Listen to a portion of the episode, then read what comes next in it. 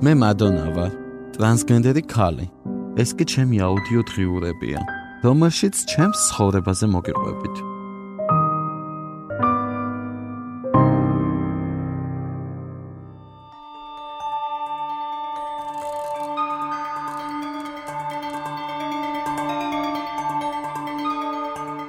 coming out.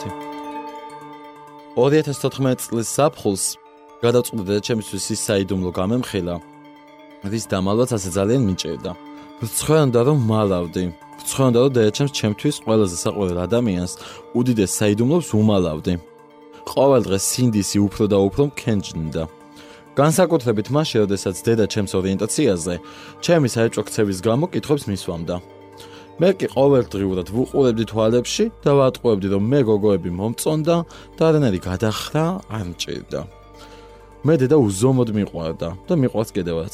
ხშირად შიგნიდან ვიღაც მეძახდა, რომ უნამუსო მატყუარა და უთამოყარეო ადამიანი ვიყავე. ყოველ ღამე მეღვიძებოდა სიზმრებით, თუ როგორ ვუყვებოდი დედას ჩემი ორიენტაციის შესახებ და როგორ კარგავდი მას. ყოველ სიზმარს ერთი და იგივე დასასრული ჰქონდა.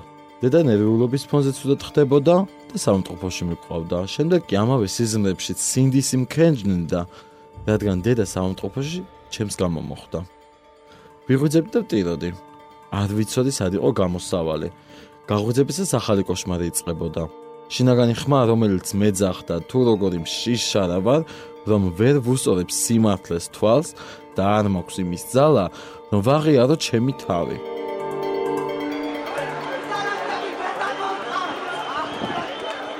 ამ დროს დაემთხვა 2013 წლის ლგბტ სიამაყის მარშის დარბევები, სადაც ჩემნად ადამიანებს სცემდნენ, მისდებდნენ და ამცირებდნენ.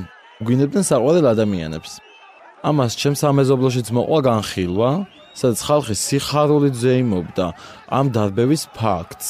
იყო შეძახილები ეგენი დასაწვავები არიან, ერთი მაგის დედა მანახა, ალბათ დედამისი ბოზია და შვილს რა უნდა მოთხოვო.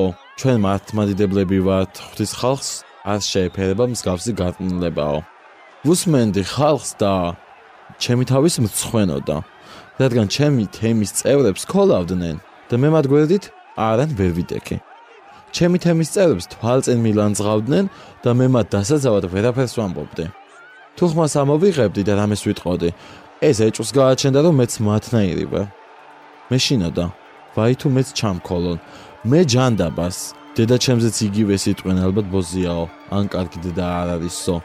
ქათამიშვილი, ამიტომ გამოუვიდაო. არა და ვერ ავიტანდი ჩემს უძლიერეს ქალზე და დედაზე, ვინმე ასე ელაპარაკა. ხვდებოდი რომ მაზრი არ ქონდა, დაუმალავდი თუ არა, რადგან როდესაც ჩემი თემის წევრებს აგინებდნენ, ამ გინებას მეც ჩემს თავზე ვიღებდი. კიდევ ხედავდი დიდ უსამართლობას ყოველ სიტყვაში, ყოველ მათ ქმედებაში. ბოლოს მივხვდი რომ ჩემს თავზე კონტროლი დავკარგე. შინაგანი მე იმდენად განრისხდა დედას თვალებში ვეღარ ვუყურებდი. ვეღარ ვეუბნებოდი რომ მიყვარდა, რადგან ვიცოდი თუ როგორ უსინდისოდ ვატყუებდი, რომ მე ვითომ არ ვარ ლგბტ თემის წევრი. ამასობაში შინაგანი პროტესტი მანერებით გამომეხატა. ერთხელ დედაჩემა გაბრაზებულმა მკითხა ბოლოს და ბოლოს ხალი ხარ თუ კაცი რანაირად იქცევიო.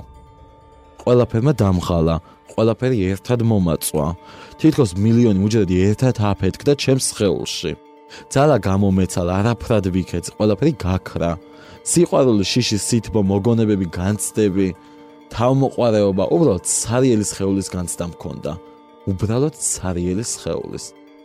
წამებში გავიაზრე, არ ქონდა სიცოცხლის აზრი, თუ ის ვერ ვიქნებოდი, ვინც ვარ.